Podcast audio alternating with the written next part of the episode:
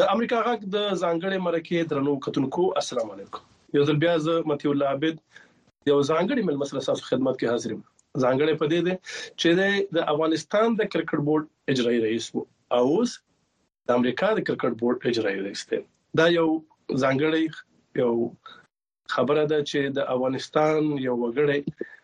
په خپل لیاقت او مهنت باندې د مقام ته رسیدي خاغله ډاکټر نور محمد مراد نن زمونږ بلمه دي السلام علیکم مراد صاحب ډیر مننه جناب عابد صاحب تاسو او تاسو ټول اوریدونکو او لیدونکو ته احترامات ډیر مننه مراد صاحب د اوریدونکو سره وغړ سوال هم دی چې هغه کومه پروسه وه هغه کومه لاره وه چې تاسو د افغانستان نه د امریکا چې دومره غټ ملک دی په نړۍ کې یادېږي دا غي د یو غټ ادارې د کرکټ بورډ ریاست یا اجرایي ریاست ته راځي مننه جناب عابد صاحب چون ما مخکې مرزو کو دا د یو امریکا کرکټ خوس د یو لومړی توبو څخه د نړیوال کرکټ شورا لپاره هم او په ټوله کې د ټول کرکټ د نړۍ لپاره او د نولس سوه شپېته او پنځه شپېته را په دې خوا دوی غړیتوب لري دومه درجه غړیتوب لري اما هغه سي واضح پرمختګ نه وکي شوی په خوا دلته اجرایوي ریاست ریاست سی هغه به یا د داخل کې د ټاکنو لخوا او یا هم د بورډ لخوا مستقیما ټاکل کیدو په دې ورستیو کې دوی چې د ارزښت یا د الی اولمپیک هم را روانو دلته چې په امریکا کې کیږي دغه ارزښتو ته په کتو دوی دغه سیالي دغه بست آزاد سیالي ته واچو او د ټول نړۍ بخصوص په خواني اجرایي رئیسان چې دوی په نظر کې ما تخپل هم بل چا بل دوست خبر راکړو زه حتی دې ته مجبور کړم نو ټول ورته امتحان ته ځان آماده کړو نوم لیکنه وکړه او بیا یو وګړه پروسه وا تقریبا چې څلور میاشتې وخت ونیوي چې یو څو سو کسانو را ونی سبب ته تر اخیری درې نفر پوري پروسه وا چې یو دغه کې لیکنه او د انټرویو یا د امدغه سي تقریری امتحانونه ول او بل اخر دوی په ما کې د ځای ورته د بست انتخاب کړم خپله چې خبر شوئ چې تاسو د امریکا د کرکټ بورډ اجرایي ریاست انتخاب شوی یاستئ، څه احساس وم؟ عابد صاحب ښه احساس مې و مخکې هم ما دغه یو بل هیواد اوس هغه د اجرایوي ریاست راته ویل شي او تقریبا په 2019 کال کې 14 او اخیرو کې اما دغه امریکا واکن هم ځکه کله اجرایوي رئیس هم د افغانستان سره هم مونږ ته ارزښت معلومیدو دا ډیر غټ مارکیټ ته چون تاسو دلته اوسئ تاسو ته په ارزښت تاسو ډیر خپېږي او د امریکا وده د کرکټ وده د ټول نړۍ د کرکټ د ودی باعث ګرځیدل شي نو د ارزښت په کتو واقعا هم د خوشحالي احساس ورا تاسو ډاکټر نور محمد مراد صاحب د افغانستان د کرکټ بورډ په ریاست تجربه او وخت او سابقه لري څه ځنګړتیا او څه تفاوت د دې ځې په ریاست کې د هغه په ځای کې هغه د تاسو نه په درس خوري دلته عابد صاحب لګ به هغه د لایټر موډ ته واچو موضوع ما د فکر کاو د راتګ نمخ کې شاید دلته به یو څه کار ډیر شوی وي اما هدف مې دا و چې اداره به ډیره جوړه وي په مختلفو ستراتیژي او پالیسیو به سمبال وي او د کرکټ پرمختګ زما کوم چې ذهن او شاید ما یو څه په یو بل حالت کې لیدلو اما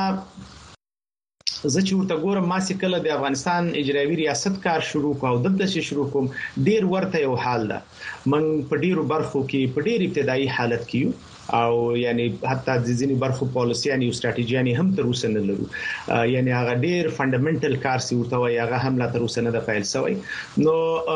په دا لحاظ خو ډیر تفاوت نشته اما دلته یو کار سی خدای هغه دا ډیر غزیدلې کرکټ ده یعنی د سي ملي ټیم پرمختګ نه کړی اما کرکټ ډیر زیات ده په ډیرو ایالتو کې د تاسو ته معلوم د سیوازي د ټکساس اوس دلته پکې زیمه دا د دغه نفوس او د دې مساحت د ټول هواد د مونږ تاسو د هواد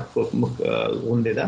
نو دغه سي فرصتونه پکې ډیر دي اما د اداري جوړښت له نظر د ملي ټیم د جوړښتونو او د پیاوړتیا له نظر مونږ په ډیر ابتدایي حالت کې یو ډیر کار ته اړتیا ده تاسو کله دغه د جوړښت خبره د نور هم واضح کوي کتونکو ته په امریکا کې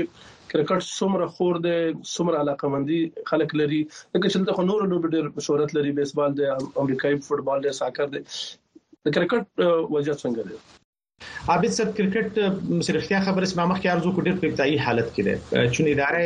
مونږ تر اوسه پورې د مستقیم دفتر لانه درلود اوس د مونږ په دفتر شروع کوو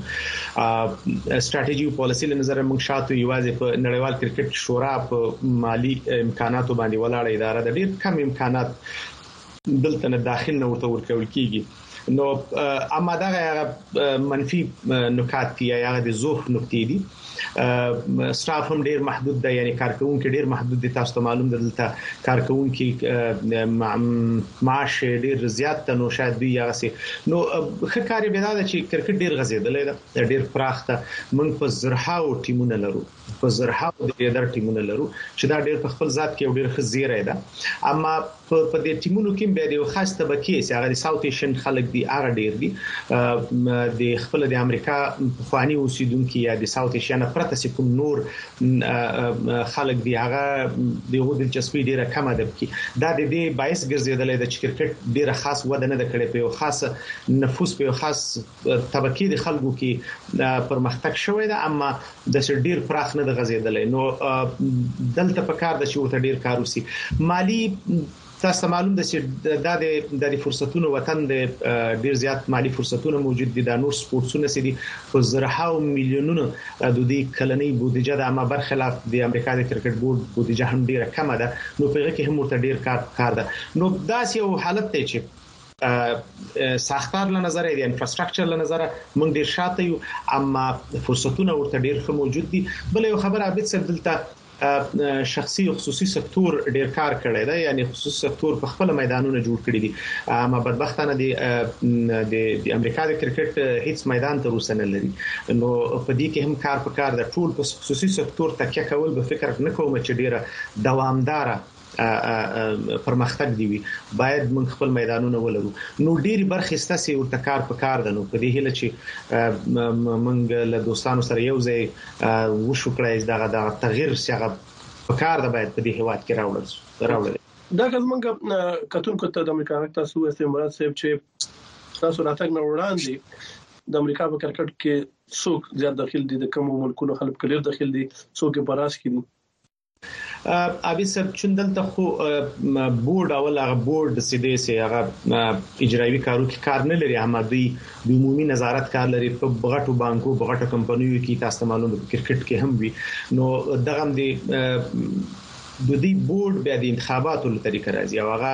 انتخابات یا د انتخاب صلاحیت یا د حق له هغه چا سره د سیاغه خپل په لیګ کې لوبيږي او یا په داخلي کرکټ کې او داخلي کرکټ ټول دی ساوث ایشن یا بل خصوص د هندستان د اکثر د موږ دوستان دي یو سره ده او ډیر کم خلک د پاکستان ډیر کم او یا د بنگلاديش خلک پکې داخلي نو اما دوی له همدې انتخابه راځي نو بورډ هم اکثره له دې دوستان تشکیل شوی دا پکې ځینې د موږ د امریکا فانی یعنی ځای اوسیدونکو هم پکې شته اما ټول امریکا هند خو ساوث ایشن په دې وتوي چې دوی اوریجنل یا منشأ لا مغازین راغلي دي نو دا سي درې نفر موږ یو دوه نفر د ویسټ انډیز لرو دا د بورډ جوړښت او لاندې په لوبو کې هم لوبغاړو کې هم همدغه سي تشکیل د تقریبا د ته ورته یو حالت شتون لري چې د یو خاصي طبقه او د خاصي جغرافي نه خلک را مهاجر شوي دي دلته دیغونه د لوبډله جوړه شوې ده اما غټ مش غټ چیلنج دا ده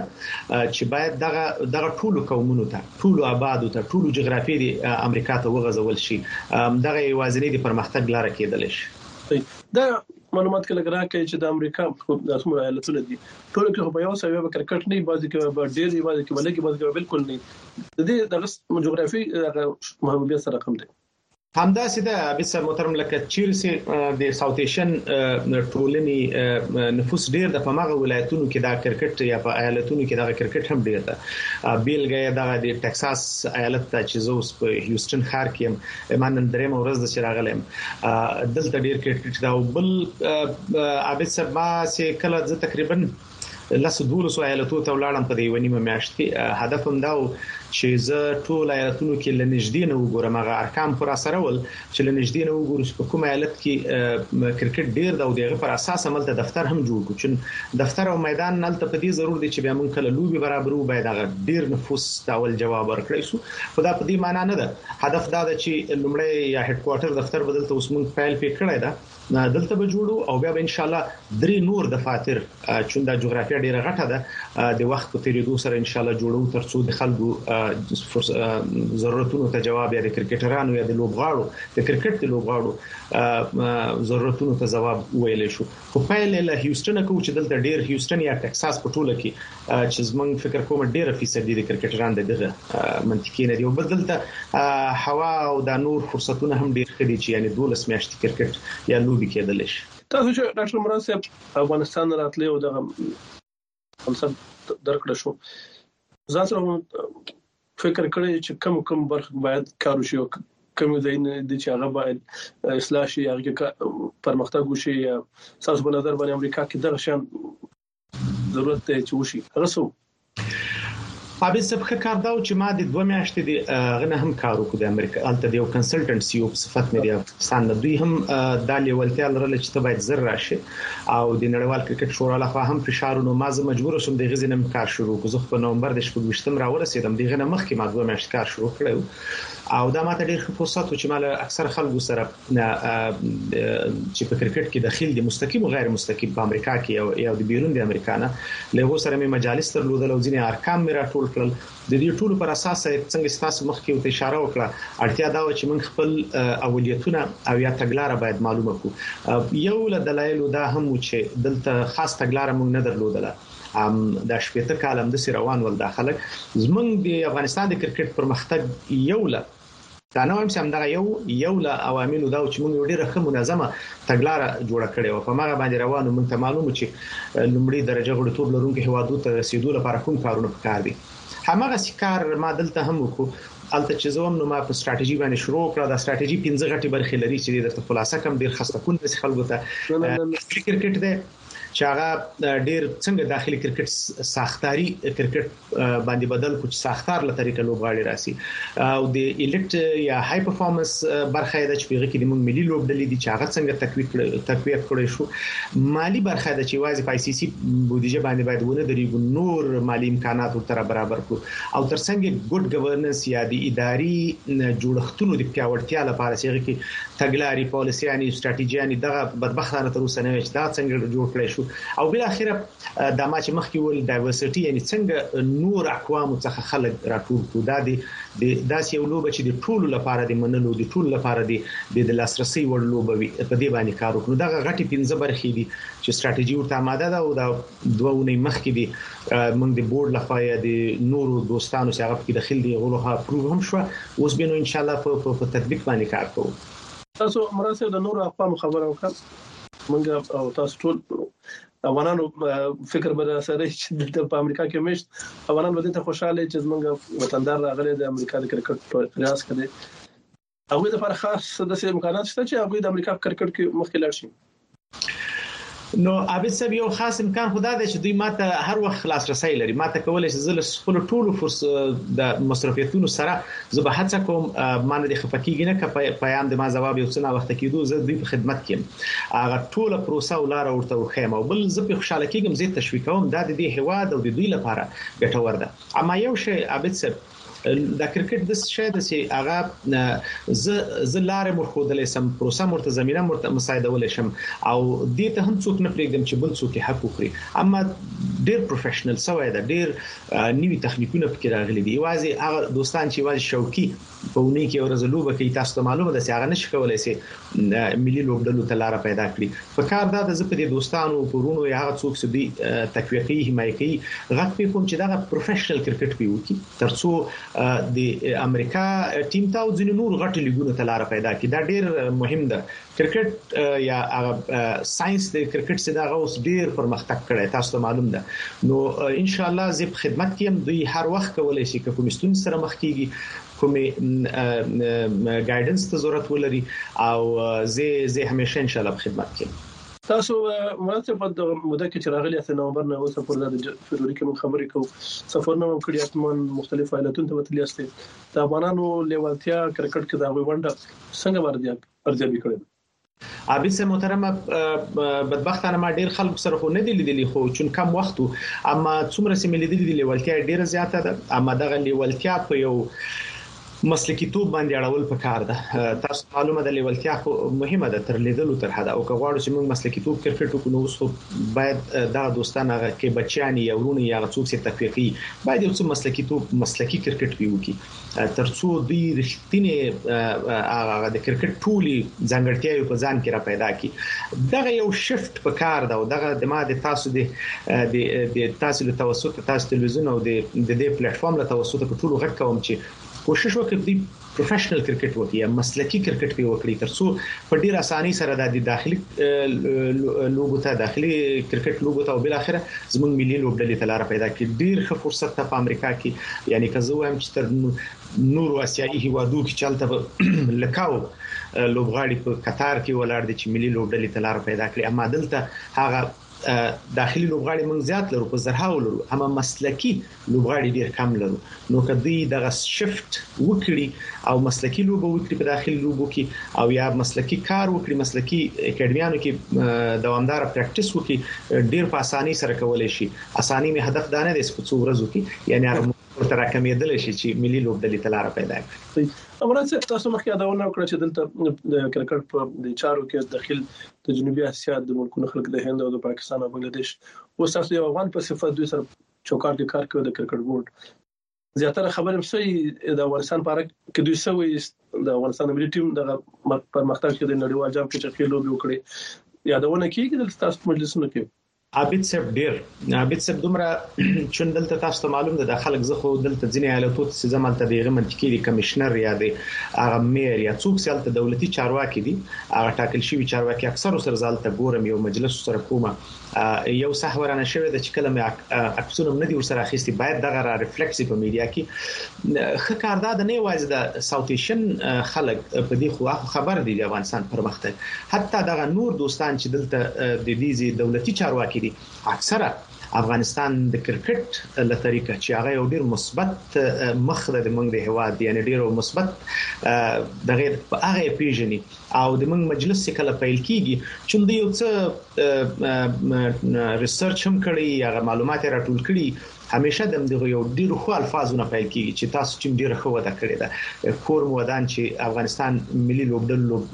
ځوانانو ته زمينه مساعده کړي چې یو ډیر وړه برخه زما هم وب کې پاږي کې نو فکر کوم ډیر د ویاړ ځای د زړه ډیر خوشاله کیږم هغه مجلس کې ماته یو روحیه راکړي چې اکثره مجالس خو زیوازیم او د دولتي چارواکي که زه اکثره په دې پنځو شپږو نه زیات یو زه خو دې له دولتي ساختار سره هم بلد نه نو ډیر یو خاص د غرور احساس کوم الته او بیا زه همدغه ماته ډیر ښه زمينه مسایبي چې دوی ته ویل شم چې افغانان ډیر ډیر مهنت یعنی زیار زیار باسي په هر کار کې او ډیر زیاتی وړتیاوي لري چې په سپورتس کې په نه امکاناتو دوی کولای شي چې دغه سیوزي ته ورسیږي نو که چیرې موږ دوی له سیاسي مداخلې نه را بیرون وګورو دوی په هر میدان کې کولای شي چې میدانونه وګټي که هغه د ساينس په میدان کې ده او که تجارت کې ده او ځینې نور ورته نو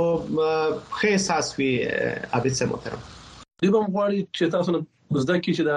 راشد خان په امریکا کې څنګه پیدا کو ګوربز په امریکا کې څنګه یو مهنه نبی به د امریکا په ټیم کې څنګه حتمان به دا چل بدل غوړ زده کی حتمن حتمن همداسې ده حتمن همداسې ده او زه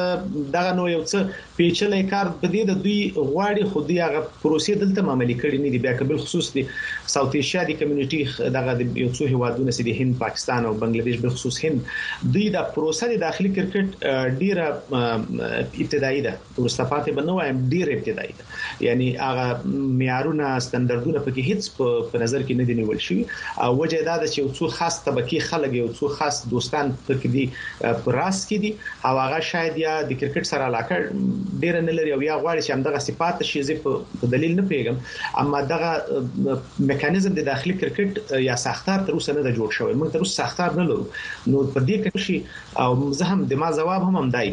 تاسو خو فرمایل دی هم دا پوښتنه کوي زما ځواب هم هم دای چې دا ساختار چې جوړ نه کړي کرکټ مسلکی نه کړي او نور قومونو ته اجازه ورنکړي چې راسي ولې دا له یو بل سره تړلې دي که تاسو ملي ټیم خو لوبه ونه کی ځوانان تشویقیږي نه ولې هغه راسي او که ساختار ونه لري او بیا ساختار لپاره مالی امکانات پکار دي او دا هغه وخت کېدل شي دا ټول چې موږ د نور اقوام ته لار ورکو ټول خلک په کرکټ کې ځای کو او ټول ته لاسرسي ورکړو د کرکټ لپاره چې دغه ټول پرمختګونه به ورسره تړلي وي جالب دا و چې امستاسو په ریاست په ورځو کې د کرکټ د لسکلن نړیوال جام کې د افغانستان او د امریکا د کرکټ ټیم ورسته لوبه و دا څنګه تاسو تعقیب کړه ولا ابي صاحب محترم زما مخ یارزو کوز موږ د امریکا د کرکټ ملي لوبډله هغه سي چې باید آماده شوی وای نه و تاسو ته معلومه زه په هغه وخت کې ډیر داخل نه وم ما یوازې یو یو نیمه میاشت دوه میاشت په کار وکړو نو اما دا مې هغه د امادګي لپاره درته وویل چې ان شاء الله په آینده کې به د دې نه ډیره قوي 19 کلنه لوبډله وي په دوه کال بعد به داسې حالت بني اما کله چې د افغانستان او د امریکا لوبه و زړه یو طرف ته او مغز بل طرف ته چون په یو میاش ما کار پې کړی او اما په هیواد خو همیشه د ما خواب بدیږي او په باید په بد شي او د غول خوشحالي سره خوشحالي تړلې دي نو د یو عجیب احساس او کله چې وګټله نو په دواړو حالتو کې زه خوشاله کېدم، کار چا ګټلی وای. مننه شه رابه شو د کرکټ نړیوال جام را روان دی او دا ځلې د غرب الهند ویسټ انډیز هیوادونه او د امریکا کوربتو باندې غلوبه کیږي او تاسو په دغه وخت کې به د امریکا د کرکټ بورډ د جرای رئیس په توګه کار هم کوي څه تیارې روان دي سره روان دي څه باندې کارونه کوي عابد صاحب تاسو ته معلومه ده یوازې 14 لوبي به په امریکا کې کیږي د ټولو لوبو له جملې نه په امریکا کې چې دا لومړی ځل د دومره غټ جام جام جهاني تر سره کیږي نو په درې غټو خارونو کې دا د لوبي کیږي او خوشبختانه د امریکا لوبډله هم په دې کې شامل ده نو د منګ هغه سردردي کوته وایو دوه چند دي یو له دوی سره همکاري کوو چې نړیوال کرکټ شورا د دې ټول کارونه په مخ بیا یا موږ سره د کوربتوب په توګه همکاري کوو او ترڅنګ خپل لوبډله هم باید آماده کړو نو کارونه خپ په چټکۍ سره په مخ روان دي او د امریکا بلخصوص د نیویارک لوبغاله سي ده هغه لا تر اوسه کار نه دی شروع شوی هغه یو یو چیلنج ده شاید نړیوال کرکټ شورا ته هم چې زره کار شروع شي او په خپل وخت سره چې نن ته یوازې ځکه د نوې لسره به اوس ټول میدان جوړیږي او د دې ترڅنګ فلوریدا میدان چې دا هغه هم تقریبا اما شروع شو دا تیر راتلونکي ونی کې به کار په شروع کیږي یو یو څو نور انکشافي کارونه په فلوریدا میدان کې پاتول چې هغه په شروع کیږي چې دوامدار وي او ټکساس چې دلته به ماته نږدې ده دغه میدان هم تقریبا اماده ده او د جون په پنځلس شنبه به دا خو بیخي اماده ده، یوازې یو څه نوي پرمختګونه د دې لپاره چې نړیوال کرکټ شورا د کوربتوب معیارات دي هغه پوره کړي، نور امادګي او بل جام جهاني لپاره چې دا جام به کومو برخو ته وړل کیږي په دې باندې کار روان ده چې چیرې باید یوسو او ټکټ تیره ورځ شروع شول چې په لومړی د فبروري خلک کولای شي خپل بوکینګ ورته وکړي او شروع یې کړي نو دغه ځینې غټي غټي خبرې دی په مادګي کې سپیر باندې مونږ ته د کار روان کړي په دې کې غټه لوبه چې د هند او د پاکستان د ټاکل شوی نیویارک کې وي نور لوبي هم تاسو یاد کړئ چې امریکا کې تاسو د امریکا د کرکټ بورډ د کې رول سي په لوبه تنظیم کړي. عابد صاحب محترم موږ خو یوازې د نړیوال کرکټ شورا سره د همکاري رول دی بل دا نور هغه خو چې څومره مادهګیانې په غکه راځي اټولو کې موږ شامل یو اما دا په ټیکټ او ځینې شې په دې کې موږ ځان په رضا داخل کړای هم نه ده او فکر کوم ظرفیت هم په اداره کې دومره نشته چې په هر شي کې موږ داخل شو نو هغه به کمپنیانو ته ورکل شوې دي هغه کمپنیانو تاسو معلومه قراردادیانی ټول بیا هغه دی ما قراردادیان او مربوط کاری چې څومره ټیکټ او څنګه ورکی چون دلته ساوت ایشین کمیونټی دغه لوبی ته ماته به یو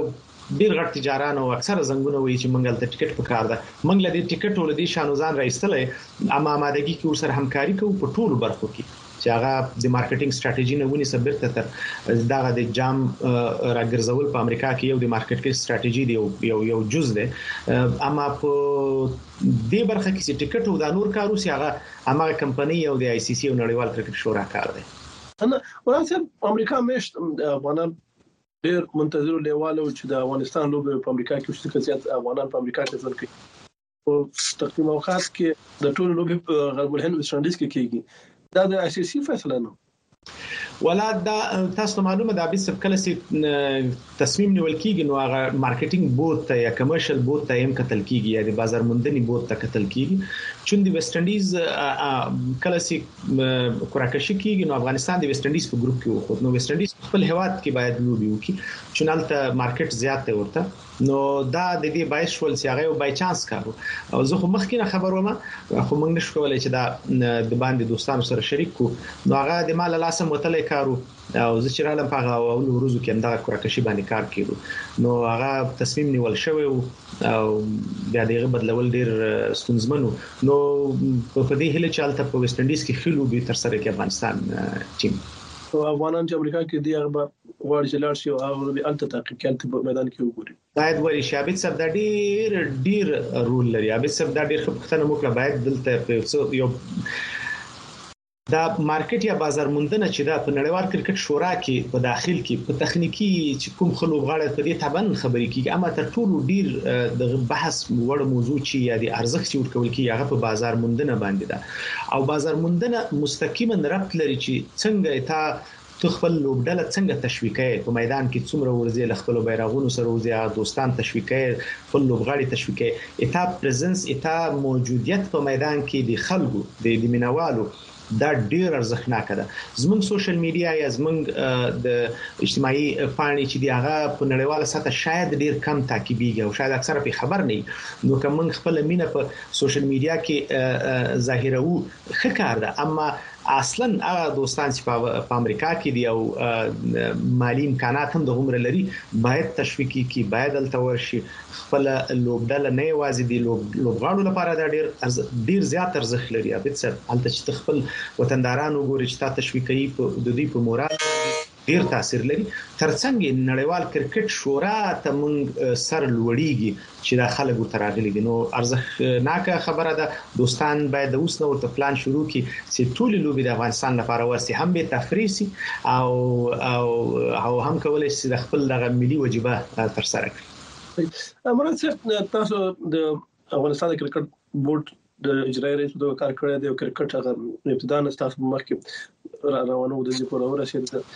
څنګه ویني خپل د وطن کرکټ عابد صاحب الحمدلله چالشونه خو هر ځکه دا امکان نه لري بیا سپورتس ادارې بیل چیلنجونو چالشونو تشي نه دي اما پرمختګ د موږ ډیر ښه ګړندی او ډیر منظم پرمختګ مو کړی سره له دې ټولو ستونزو او نن افغانستان په بهترینو لوبډلو کې راځي او نن افغانستان په ادارو کې هم په ښو بهترینو ادارو کې راځي موږ په 2013 کال کې چې کوم ستراتیژي د تاسو ته تشریف راوړی تاسو یاد دي چې موږ هغه دفتر کې کوم ساختار درلود پالیسیانی او ستراتیژیانی او سلیکشن پالیسی او د مالی پروسس لپاره کوم امکانات انټرنل اډیټ سیستم دا اوس هم په ډیرو هوادو کې نشته چون زه ډیرو هوادو ته د کنسلټنټ په توګه هم تللی چې کار مې ورسره کړی چون یادول نه کیږي چې هغه قرارداد برخه هم د سیو چې زه باید ورنه د سی یاد نه کړم او ځینی هوادو سره مې همکاري کړې ده چې غړیتوب واخلي له نړیوال کرکټ شورا سره افغانستان یو له بهترینو ساختارونو دی په نړیوال کرکټ کې دی اما د دې ساتنه مهمه ده باید هم د سی وساتل شي ساتنې لپاره شفافیت په سلیکشن کې او د اداري کوم کوم معیارات چې جوړ شوی دی هغه معیارات هم د سی نه یوازې وساتل شي بلکې د د وخت ضرورت پر اساس باید پرمختګونه پکې راشي نو زه په ټولو کې ډېر په مثبت ته بود یې وینم چې پرمختګ ماشاءالله ډیر ښه شوی ده او په دې هله چې هم دغه پرمختګونه ته مونږ ادامه ورکړو او د د اوس وخت د اوس عصر د ضرورتونو سره سم اداره یو څه نور هم په ټکنالوژي سمبال اداره کړو ترڅو مونږ له هیڅ نه کم نه یو مونږ په 2000 زه په یو غټ هیواد ته تللی وم بشپړ غړیتوب لرونکو هیواد ته سیمه نشپتا بیا کله مخکې غړیتوب اخیسته د موږ ساختار د ادارې د غونه ډیر ښه وو شاید باور مو ونسی نو موږ د چانه شاته نه یو باید شاته پاتې هم نشو او هڅه وکړو چې خپل ټیم او اداره په لومړی کتار د هوادونو کې چې هغه په اول درې څلور دی راولو دا دا حقیقت ډیر لري نه ده ډیره ډیره مننه محترم ډاکټر نور محمد مراد صاحب د امریکا د کرکټ بورډ اجرایي رئیس چې راغلی او موږ سره په ځانګړې مرکه کې خبرې وکړې ډیره مننه عابد صاحب مننه په رمضان خوشاله اوسئ عزت اوسئ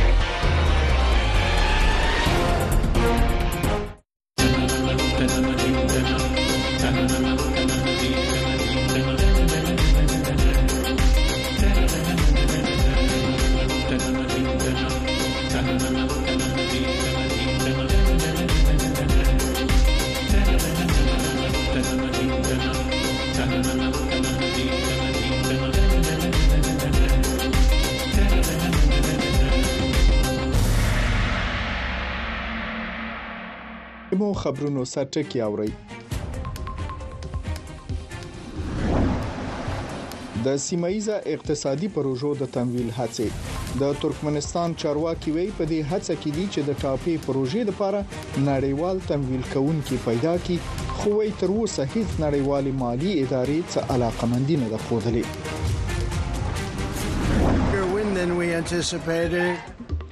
د سپینې ماڼۍ د ګټلو لپاره ګوندي سیالي د امریکا مخکنی جمهور رئیس ډونالد ټرمپ د جمهوریت غوښتونکو ګوند په مقدماتي ټاکنو کې د جنوبي کارولینا رائے هم وکټله بل سیالي د میشیګن په ایالت کې کیږي او په بریټانیا کې د افغانانو د مهاجرت کیسې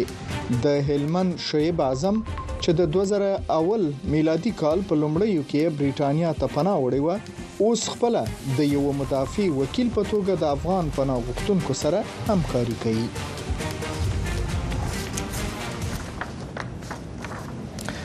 سلامونه ستړي مشه نن یک شنبه د کب یاهود شپږمه او د فبرवरी د میاشتې 15مه نیټه ده تاسو په دې نیم ساعت کې د مهمو خبرونو سربېره د افغانستان په سوداګریزه راکړه ورکړه د ملما ارزونه هم واوري هیله ده چې خبرونه در سره وګورئ د طالبانو حکومت خبر ورکړی چې د بهرنیو چارو سرپرست وزیر امیرخان متقی د یو پلاوی سره ترکمنستان ته تللی د طالبانو د بهرنیو چارو وزارت یو ویان ویلي چې متقی د ترکمنستان د بهرنیو چارو د وزیر په بلنه د دوه اړخیزو مسایلو د خبرو لپاره اشقابات ته رسیدلی دی افغانستان د ترکمنستان سره ګڼ سوداګریزه تړونونه لري چې یو لوی تړون یې د ټاپې پروژه ده چې کلونه کیږي چارې یې نه دي پیل شوي. د طالبانو حکومت د بهرنیو چارو سرپرست وزیر امیر خان متقي د ترکمنستان د بهرنیو چارو وزیر رشید مرادوف په بلنه د یو پلاوي په مشرۍ پر ګڼو دوه اړخیزو مسایلو د خبرو اترو په موخه یاد شوي هیواد ته تللی دی. د دغه وزارت مرستیال ویاند وایي په دې پلاوي کې د بهرنیو چارو وزیر ترڅنګ د کانونو او پټرولیم وزارت د افغانستان د اوسپنې د پټلې ادارې او برېښنا شرکت چارواکي هم ګډون لري د ښاغلي متقي سفر ترکمنستان هیواد ته تر ډیره بریده د هیئت له ترکیبه داسې ښکاریږي چې دا به یو اقتصادي سفر وي عمدتا دوی به د اوسپنې د پټلۍ د امتداد او د ترڅنګ افغانستان ته د ترکمنستان هیواد څخه د نفت وارداتو په حقله او په غټه کچه په افغانستان کې د ټاپي پروژې د کار د پیل په مورد کې د ترکمنستان هیواد د چارواکو سره غږیږي پرته له شکه چې په دغه سفرونو کې د اقتصادي موضوعات ترڅنګ سیاسي موضوعات هم تعقیبېږي خو په افغانستان کې د بهرنۍ پانګونې په مورد کې دا باید واضح شي چې په هیڅ شکل د افغانستان اقتصادي سکتورونه د یو مشخص هیواد په انحصار کې یا د یو مشخص شرکت په انحصار کې باید ونه لویږي ځکه چې د د پایلې به د افغانستان د خلکو په ګټه نه وي افغانستان او ترکمنستان د اوګدو کلونو راهیسې د ټاپي له پروژې په ګډون د افغانستان لارې منځنۍ اسیا ته د انرژي د انتقال په پروژو کار کوي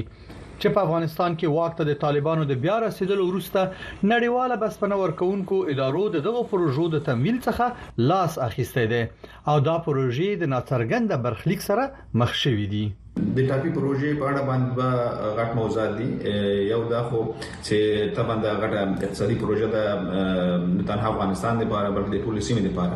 دا پروژه کله تکمیل شي نو دا به د 150 کلونو پورې دغه هوادونو ته په خورا زیات مقدار باندې غاز ورکوي او طبعا نه تنها غاز وی بلکې دینه به برېښنا هم تولیدي پاینده کې کومه پروګرامونه برنامه چې د په نظر کې نیول شوې دي د دې پروژې لګښت باندې د انکشاف سیاسي یا ای ډي بي ورکول چې 10 میلیارډ ډالر البته دا رقم د 2013 دي چې بیا د نوروز کوم تغیرات په کې راځي او به بل خبرې خو د ځینې سیاسي ملحوظاتو چې دغه تغیرات په افغانستان کې راغلي د پروژې د فاتنې برنامه تر هغه به ټول انکشافي پروژې ځنډېدلې دي تر دې ورآخوا ټاکل شوې د ملګرو ملتونو د امنیت شورا د دوشنبه په ورځ د فبروري په شپږشتمه د بندو دروازو شاته په یو غونډه کې د افغانستان په وضعیت باندې خبرې وکړي احسان لاریوزی امریکا غږ واشنگټن د افغانستان د سیمه ایزه ترانزیتي فعالیت او سوداګرۍ په اړه د اقتصادي چارو چیرونکو مزمل شندواري صاحب نظر اخلم چې په سکایپ زمنګ بلنه منلې ده شندواري صاحب پروګرام ته ستړي مشي تاسو ته خو وخت هم غواړم پښتنه مې دا کوله چې ولې دا د ټاپي په څیر مهم لوی پروژو تمویل د پاره هیڅوک زړه نه خکې مننه خوشاله اوسئ سلامونه تاسو ته تاسو ټول لیدونکو ته د ټاپي پروژه دوا مشکل لري یو سیاسي ستونزه ده او دویمه مالی ستونزه ده او تخنیکی ستونزه هم ده دا دواړه برخې په یو وخت کې نیول شو سیاسي ستونزه دا ده چې د هندستان ملک په دې کې دلچسپي فعلا نه لري او هغه نه غواړي چې دغه یو پروژې کې شریک اوسي چې هغه د پاکستان د لارې نه تیریږي او هند تزي همیشه منګه کده ټاپي غونډې لیدلې دي پاره کې د هند که د نورو ملکونو مشران په کې او د هند په کې یا معاون د رئیس جمهور او یا وزیر خارجه او یا د یو کس لګل او چې هغه اهمیت نه ورکړي دویمه تخنیکی ستونزه ده تخنیکی ستونزه ده چې په دغه پروژو باندې پروژې باندې په میلیارډونو ډالر مصرفيږي د ترکمنستان حکومت د دغه غاز تاګانو ته هیڅ یو کمپنۍ ته اجازه نه ورکړي چې دا غي ته اکسس ولري یا غو ګوري هر نړیواله غټه کمپنۍ چې هغه غواړي چې تقریبا اتلس یا شل میلیارده ډالر مصرف کړي هغوی غواړي چې مطمئن اوسي په دې باندې چې آیا په دې تاګانو کې د دیش کالو د پاره غاز شته دی کنه شته دی د زیاترو ویر همدا ده چې د دینه غاز ډیر به حد زیات غاز استخراج شوی دی شاید دغه پروژه د دیش کالو د پاره نه د امدې د وجنه ټوټل او د سي غټ ځنې غټي کمپنۍ چې مخکې پکې دلچسپي لرودله هغه ځان ویسته درېمه مسله ستونزه د پیسو ده ترکمنستان، افغانستان او پاکستان کوشش وکړ چې د دې لپاره اسیايي بانک تشویق کړي چې پانګونه وکړي د هغې ترڅنګ نورو کمپنیو ته لاړل بیا دوی خپل کاپی لیمیټډ یو شرکت جوړ کړ چې خپل پکې پیسې واچي او په دوبۍ کې فعالیت وکړي ولې هغه هم ناکام شو نو ترڅو پوري چې څاګانو ته اکسس یا اجازه ورنکړي غټي کمپنیو ته غټي کمپنۍ د دې مورد کې تصمیم نه نیسي او دویمه سیاسي ستونزه ده چې هغه هم قابل ده دا واقعا د بحث وړ دی چې په خپل د زیرمو ظرفیت یعنی مخ په کمیدو دی یا کم ګڼل شوی یو دلیل دا په هر صورت راځم یو بل اړخ ته د تیر کال رئیس نه د ایران سره د افغانستان سوداګریزه راکړه ورکړه مخ په زیاتېدو یاد شوې ده د دې علت څه دی او په دې سوداګرۍ کې د چابهار بندر او بندر عباس ترانزیتي بندرونو کې فعالیت څه ګټې د افغانستان دپاره لري؟ دا ځکه پوښتنه کوم چې تاسو د هند یادونه وکړه او هند په دې دواړو برخو کې علاقه مندي یا لېوالتیا ډېره ښيي چې پانګونه وکړي. که د چابهار مسئله وګورو، چابهار تر اوسه پورې په عملیاتي توګه باندې کار نه دی شروع کړی او هغې ته کښتۍ نه راځي، نو هغه تقریباً داسې دی چې هغې نه ډیره کم یا هیڅ استفاده نه کیږی د ایران د لارې نه زمونږ تجارت زیات شوی دی د ایران نه واردات مونږ راوړو زیاتره او ترانزیت هم زیات شوی دی او د هغې ستونزې زیاتره زمونږ علایق د پاکستان سره خرابیدل دی په تیر یو نیم کال کې زمونږ روابط د پاکستان سره ډیر خراب شوی دی او دا همیشه مونږ لیدلی دی چې د پاکستان سره کله سیاسی ستونزې پیدا شي نو هغه اول زور د تجارت او د ترانزیت نه وباسي او په تجارت او ترانزیت کې مشکلات پیدا کوي ترڅو پورې په افغان حکومت فشار واچي دوه عالی د فشار همیشه پاکستان استعمال کړي دي چې یو د ماجرینو موجودیت دی په افغانستان کې چې کله یو سیاسي ستونزه راشي هغه ته فشار ورکړي او دویم ترانزیت دی تر د دې چې د ماجرینو موضوع د وخت په تیریدو سره په حلیدو ده ولې ترانزیت د سیمه مسله ده چې دا من پاکستان سره تړلی او د دې په مورید کې باید پاکستان سره واضح خبري وشي او په عین وخت کې داسې وکړي چې د پاکستان خپل اتکا په افغان ترانزیت کې د افغانستان د لارې نه په ترانزیت باندې زیاته شي چې ترڅو موږ وکولای شو چې بیا بل مثل حرکت وکړو پاکستان موقت حکومت تقریبا دوه میاشتې مخکې یو اعلان وکړ چې هر مال چې د افغانستان ترانزیت د پاکستان د لارې نه چې هغه په یو چپټر د اسکوډا کې دی چې دا تیم چپټر چې هغه کې ټول الکترونیکس دي تقریبا 2.5 زره قلمه دوی هغه اعلان کړ چې د هغه راتګ هغه باید قتل کیږي هغه باید ارزول شي قیمت تعین شي او د اماغه په اساس باندې تنه محصول د ګمرکي مو اخیستل شي او 10% اضافي د تیمراحل د پاره شینواری صاحب لګ لګ وخت لرم غواړم یو مختصر نظر دی بلم واخلم چې پاکستان ذکر شو پاکستاني چارواکو دې تازه تازه کې خبر ورکړی چې د افغانستان سره ترانزیتي سوداګري اویا سلنه کمه شوې ده او برعکس افغانستان او ایران ترانزیتي سوداګري پراخه کړې آیا ایران کولای شي چې د پاکستان په ځای یو ښه بدیل اوسي؟ یو بدیل کیدای شي خو یو ښه بدیل نشي کیدلای بدیل په هغه وخت کې کیدای شي چې د ضرورت وخت نو بیا یو څه د قیمت هم تمام شي غوي مال راوړي بل خصوص غرب د افغانستان ته هغه ارزان تر تمامېږي ولې کې د افغانستان مشرقي شمال او مرکزي افغانستان ته راځي نو هغه بیا ډیر قیمته تمامېږي نو په دې اساس باندې دغه لار د خو ولې یو بدیل دی ولې خه بدیل ورته نشو ویلای دا کېدای شي چې بدیل شي ولې ستونزه دا ده چې یو بل ویره هم شته دی چې شاید دغه روابط نور هم خراب شي ځکه اوس حکومت د مسلم لیګ نون یا د نواز شریف د ګروپ راغی او په هغه کې تر ټولو نه زیاتره تاثیر د لاهور د متاق تجارت دی او لاهور اتاق همیشه د افغانستان د ترانزیت مخالف دی ځکه هلته زیاتره داسې افراد دي په هغه اتاق کې چې هغه خپل تولیدونکي دي د الکترونیکس او د مختلفو اشیاو هغه غواړي چې افغانان د پاکستان نه واخلي د دې په ځای چې د ترانزیت راوړي د پاکستان د لارې نه نو امکان لري د ترانزیتي ستونزو زیاتوالی په راتلونکو کې موږ نور هم وګورو مننه مزمل شینوار صاحب کورم ودان چې موږ بلنه منلې و او د ارزونې ډیره مننه خوشاله اوسئ لږه شیبه کې به د امریکا د ګوندي ټاکنو په اړه راپور هم ولرو نور مهم خبرونه هم شته د هیله د چ خبرونه در سره وګورئ ولنډه وقفه اخلو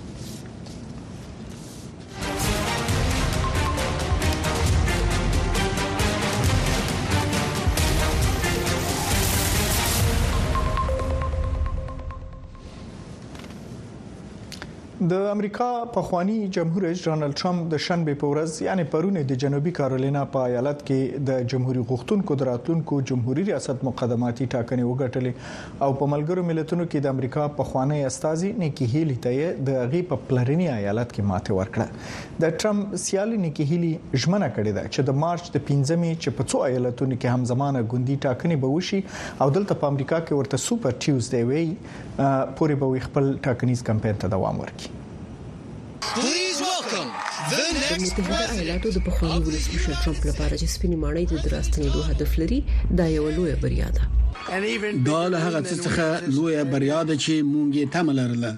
هلي خپل ځان د هغه رای ورکونکو لپاره یو بدیل ګڼي چې نه غواړي د نومبر په عمومي ټاکنو کې ترامپ د ولسمشر جو بایدن سره مخامخ شي هغه دا استدلال کوي چې هلي ځوانه ده او ډېره انرژي لري زموږ د جمهوري غوښتونکو په مقدماتي ټاکنو کې لوی شمېر رایې ورکوونکي وایي، دوی یو بدیل غواړي. هیلي خپل ځان د هغه رایه ورکوونکو لپاره یو بدیل ګڼي چې نه غواړي د نومبر په عمومي ټاکنو کې ټرمپ د ولسمشر جو بایډن سره مخامخ شي. هغوی دا استدلال کوي چې هیلي ځوانه ده او ډېره انرژي لري. هغې په ملګرو ملتونو کې زموږ ښه مشري وکړه او زه فکر کوم چې هغه په بهرنۍ پالیسۍ کې ښه سابقه لري. فکر کوم چې هغه به یوه ښه مشره وي او د هغې عمر هم ښه دی. د جنوبي کیرولینا نور رای ورکوونکي په هیلي نیوکه کوي، خو دا یې ونه ویل چې دوی چا ته رای ورکړي. هغه یو ډول په کرایه اخیستل شوې ده، لکه د هغې رای د لویې ونډې پر بنسټ بدلیږي، څوک چې هغې ته ډېرې پیسې ورکړي، د هغې رای هم د هغوی سره وي. په جنوبي کیرولینا کې د ټرمپ ملاتړي وايي چې د پخواني ولسمشر ټاکنیز کمپاین د واک لپاره نه بلکې د خلکو لپاره دی. یوه ښه اقتصاد ته بیرته تلل، آزادي، له هغو کسانو نه د هیواد خلاصول چې جنایتونه کوي لکه اوسنۍ اداره. د جنوبي کیرولینا ځینې رای ورکوونکي وايي چې حتی که ټرمپ مخکې وي، د هغه په وړاندې د جنایي محکمو څلور قضیې کولای شي د سیالۍ بڼه بدله کړي. که د ټاکنو نه د مخه ترمپ بندي کړای شي نو بیا به څه کیږي؟ آیا د دې دا معنا ده چې هیلي به د جمهوریت غوښتونکو نوماند شي؟ زه نه یم خبر. کلیش او میرمن یې په ترمپ په قضیو نیوکې وکړې خو دا یې ونه ویل چې هغوی چاته رایه ورکړې ده. نذرانه یوسفزۍ، امریکا غږ، واشنګټن. او په منځني ختیځ کې امریکا او بریټانیا د شنبه په ورځ په یمن کې د حوثي یاغیانو څو مرکزونه وشتل دي په دې وروستیو ورځو کې د ایران په ملاتړ یا د وسلوالې ډلې په سری بهيري او عدن خلیج کې په سوداګریزه کشتۍ باندې څو بریدونه کړیو د امریکایي چارواکو په وینا چې د نوم نه خودلو په شرط غږیدلې دي امریکایي او بریټانوي جنگي جټ الوتکو په مختلفو سیمو کې اتلس مرکزونه وشتل دي دا بریدونه په توغندیزو سیستمونو ډرونونو او په ځمکه او اوبو کې په جنگي تجهیزاتو باندې شوې دي دا څلورم ځل دی چې امریکا او بریټانیا د جنوري میاشتې له 12 نیټې وروسته د حوثي اغیانو پر ضد ګډ پوځي عملیات ترسره کوي بوداپست بل اخره دیتا تیار شو چې د ناتو په سازمان کې د سویډن غړیتوب ومني څه کم دوه کال کېدل چې دا اقدام ځنډول شوی د هنګري یا مجارستان پارلمان به د دوشنبه پر ورځ یعنی سبا په دې موضوع راګیری هم وکړي هنګري د ناتو وروستي غړی هیواد دی چې د سویډن غړیتوب تاییدي تر دې مخکې د جولای په میاشت کې د ناتو بل متحد د ترکیه جمهور رئیس د سویډن د غړیتوب په اړه مثبت نظر ورکړو سویډن په پام کې لري چې د 2024 کال پورې د خپل کورنی نه خالص عاید 2 سلنه په دفاعي برخه کې مصرف کړي او چارواکو سیمه ییز رسنیو ته ویلي چې د اسرایل جنگي کابینه د شنبې پر ورځ موافقه وکړه چې قطر ته خپل مذاکراتي ټیم ولېږي ترڅو په غزا کې د یو اوربند او څناڅه یو سل دیرش برمته نیول شو کسانو د بیرته ستنیدلو لپاره خبرو ته دوام ورکړي د اسرایل یو پلاوی د جمعې پر ورځ د قطري، مصري او امریکایي مذاکره کوونکو سره په پاریس کې کتلی او کابینه د دې مجلس په اړه غونډه کوله. دا همغه پلاوی دی چې تیر کال نومبر میاشت کې په ګډه د اوربند کولو کې مرسته کړې وه. د حماس ډلې په یوه اعلامیه کې ویلي چې سیاسي مشر یې د مصري چارواکو سره لیدلي او په یو احتمالي اوربند او په اسرایل کې د بندي فلسطینیانو په بدل کې د اسرایلي برمته کسانو په خوشې کولو خبرې کړې دي. په منځني ختیځ کې د اسرایل پوځ د غزي ورسته ګنمشتي سیمه ته په نږدې کېدو دي او د اوربند لپاره هڅې او غوښتنې هم زیاتې شوې دي د ترکیې جمهور رئیس رجب طیب اردوغان تر جګړې وروسته په فلسطین کې د مهم رول لوبولو ته هیله مندي خوده لیده خو د وضعیت چیرونکو خبرداري ورکړي چې د حماس څخه د اردوغان سخت ملاتړ به د اسرایل د سخت مخالفت سبب شي کله یوې خوا اسرائیل د غزې تړانګې پر لوی ښار د برید لپاره چمتو دی له بلې خوا په نړیواله کچه د اوربند لپاره منډو ترړو زور اخیستی دی د ترکیې ولسمشر رجب طیب اردوغان مصر ته د خپل یو تازه سفر په مهال په دې اړه د یو پریکنده رولو بولو په اړه خپل دریځ روښانه کړ په غزې کې د وینو د تویدو د مخنیوي لپاره به موږ د خپلو مصري ورونو سره خپلې هڅې همغږې کړو په منځ مهال کې موږ د مصر سره د غزې د بیا ابادۍ لپاره کار کولو ته چمتو یو. ترکیه د ودانیزو چارو داسې یو لوی صنعت لري چې کارګر یې په نورو هېوادونو کې په سختو شرایطو کې د کار کولو مهارت لري. شنونکي وايي چې ترکیه به ښايي له ودانیزو کارونو ورهاخوا د نورو چارو په اړه هم فکر کوي. The Turkish government has already. د ترکیې حکومت لا وار د مخه روښانه کړي چې د غزې په بیا ودانیزو چارو کې علاقه لري. دا چې دغه کار ته به یوه. پرېښودل شي او که نه، دا بله پوښتنه ده. دا له دې سره تړاو لري چې د دغه کار لګښت څوګ ورکوي. هلته ودانیزې چارې سوله ساتي ځواک ته اړتیا لري. د دې معنا دا ده چې هلته سولې ته اړتیا ده. دا هغه څه دي چې ترکیه پکې ښايي رول ولوبولی شي، ځکه ترکیه په دې اړه تجربه لري. چونکی اسرائیل اردوغان د حماس سخت ملاتړی دی دغه سازمان ته د ازادۍ دی او خوځښت په سترګه ګوري او د اسرائیل لومړی وزیر ترهګر بولی شنونکي وایي چې دا چاره به د نتنیاهو او اردوغان ترمنځ همکاري ستونزمنه کړي خو په ورته وخت کې دا ښکاري چې اردوغان په بدلیدونکو سیاسي چاپیریال کې چې په کور دننه د نتنیاهو پر وړاندې مخالفتونه زیاتیږي څخه ګټه واخلي اردوان داسې فکر کوي چې نتنیاهو به په یو نه یو ډول په راتلونکي کې له صحنې وویستل شي خو حماس به خپل ځای کې وي له دې امله اردوان فکر کوي چې که حماس پاتې کیږي او خبرې اترې کیږي دای به سم لوري ته وي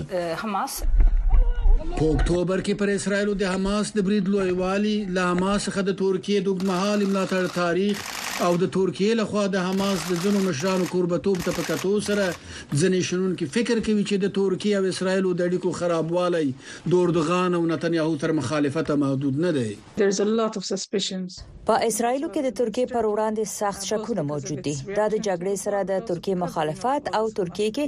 د حماس د فعالیت له امله دي. تاسې هیڅکله دا نشئ ویلی چې دا به وروستنۍ خبره وي، خو په ښکاره به اسرایل له جګړې وروسته په سیاسي میکانیزم کې د تورکیې رول ونه مني. که له یوې خوا مصر او قطر د جګړې د پای ته رسولو لپاره منډې ترړې وهي اردوغان له جګړې وروسته د خپل ځان د مطرح کولو لپاره په یو پریکند رول سترګې خخې کړې دي شنونکي وایي چې تورکیا اړه ده چې په دې اړه د مصر شکونه لمنځه یوسي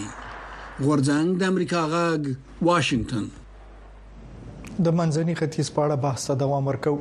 د منځني ختیځ په انسټیټیوټ کې د اسرایل د چارو کارپوه نمرود ګورن زمنګ همکار احمد الله ارچوال سره د منځني ختیځ د روان وضعیت په اړه مرکه کړې او په پیل کې د دې پوښتنې چې آیا په غزه کې د یو سمدستي اوربند رامنځته کېدو چانس شته تبصره کړې ده زه فکر کوم چې د روژې له مبارکې میاشتې څخه چې د مارچ په لسمه پیلېږي وړاندې به یو اوربند وشي اوسنۍ فرمول دا دی چې دا اوربند به د شپږو اونیو لپاره وي څو د دې فرصت برابر شي چې یو څه برمته شوی اسرایلی بنديان خوشی شي دا ښکاري چې د دوه مسایلو په اړه د نظرونو یوالی هم موجود دی لدی ورای خو د نور څه په اړه نه خو اوس هم د دغه کار په اړه زیات تفصیل ته اړتیا شته اوکه سو یو نو دیر ار لایک مینلی ټو پلانس ون از بای د یو ایس فار ا سیکس د اوربند لپاره د قطر، مصر، امریکا او نورو هیوادونو لخوا پلانونه وړاندې شوي دي. نړیواله ټولنه او ملګري ملتونه به د کوم پلان ملاتړ وکړي؟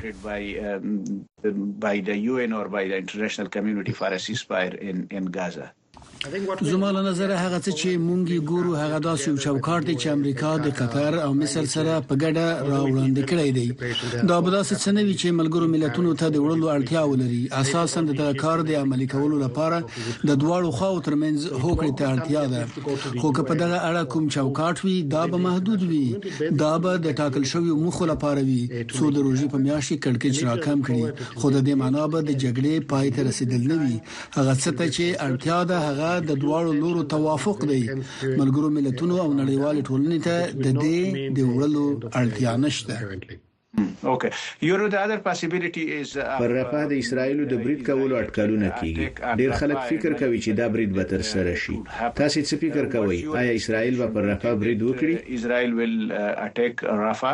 د اسراییلي پوځي ستراتیژیستانو له نظره که د جګړې ټاکل شوې موخې په نظر کې ونیول شي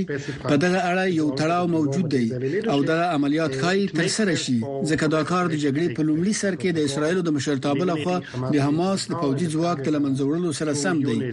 دا هم حقیقت دی چې د حماس دوه ځواکمنې ډلې په رافا کې ځای پر ځای شوې دي او دوی له دغه ځای څخه خپل عملیات په اسانۍ سره تر سره کولای شي خو اسرائیل پرافه د بریټ په اړه د امریکا او د مصر د غوښتنو سره ډیر حساس دي ځکه دوی یقیني کول غواړي چې له غزې څخه د مصر سینا دښتې ته د کډوالو سیل پیل نشي په داسې فورمولونو چې خای د کډوالو لپاره یو داسې ځای چې کله دا کار په صورت کې ورته کډوال ورشي په دې حق له بحثونه هم شوې دي پرافه خای لروجي څخه وروسته د بریټ په اړه بحثونه هم وشي یو ایس کال فار اې ټو سټیټ سلوشن اینډ ان د مین ټایم یو ایس ایز ایفرټس فار. امریکا له یو اړخه د اسراییلو د دولت تر څنګ د فلسطیني دولت د جوړېدو په اړه خبرې کوي او له بلې خوا د اوربند لپاره هم هڅې کوي. تاسې د امریکا او اسراییلو په اړیکو کې کوم تغیر ګورئ؟ امریکا اسراییلو ته د دې کارونو له لارې څه ډول پیغام ورکول غواړي؟ What message do you think the US is trying to convey to Israel؟ زما له نظره امریکا له دې چې نتنیاهو څه ډول د جګړې ډیپلوماټیکي اړخ پر مخ بیي خوشاله نه دی امریکا د جګړې له پیل څخه تر اوسه د اسرایل ملاتړ کوي امریکا د دې لپاره چې وکړای شي د اسرایل څخه ملاتړ ته دوام ورکړي شي ټول لارې چارې په نظر کې نیسي خو امریکا له اسرایل په ډیپلوماټیک ډګر کې هم پرمختګ غواړي امریکا په منځني ختیځ کې د خپل ملګرو سره مشورو ته دوام ورکوي دوی هڅه کوي چې د سیمه ایزو ملګرو لکه سعودي عربستان سره ملګرتیا او په فلسطیني اداره کې د تغییر حقیقتونه په نظر کې ونیسي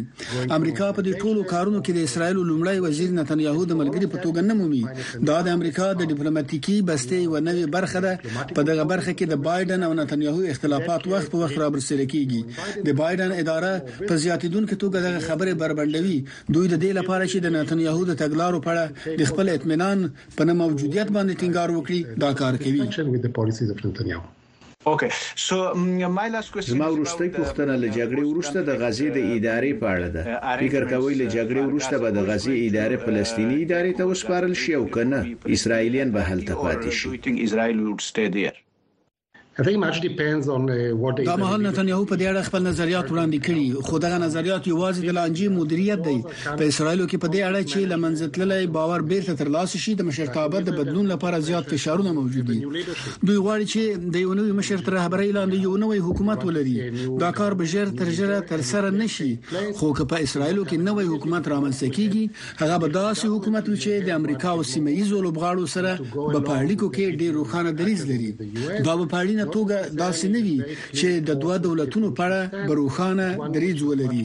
خو دا به منځلاري او د نورو سره کار ته زیات لیواله وي زما له نظره مونږ به تر ډیره په نوي مشر متکی یو نه دا چې اوس څه پیږي ځکه دا زیات روښانه نه دي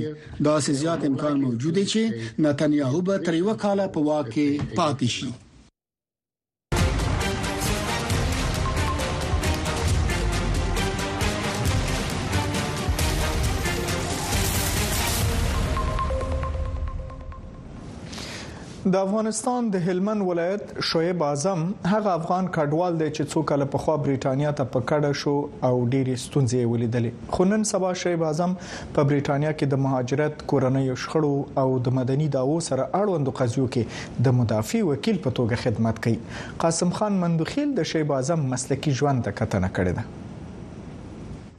د هلمند شعیب اعظم د دوه زره یوم کال په لومړیو کې لکه د نورو افغانانو غوندې بریتانیا ته پناه راوړې وه، خو اوس خپله د یوه مدافع وکیل په توګه د افغان پناه غوښتونکو قانوني مرستې کوي. که زه تاسو ته ووایم تقریباً په دا تیرو دوو کلو کې کیدای شي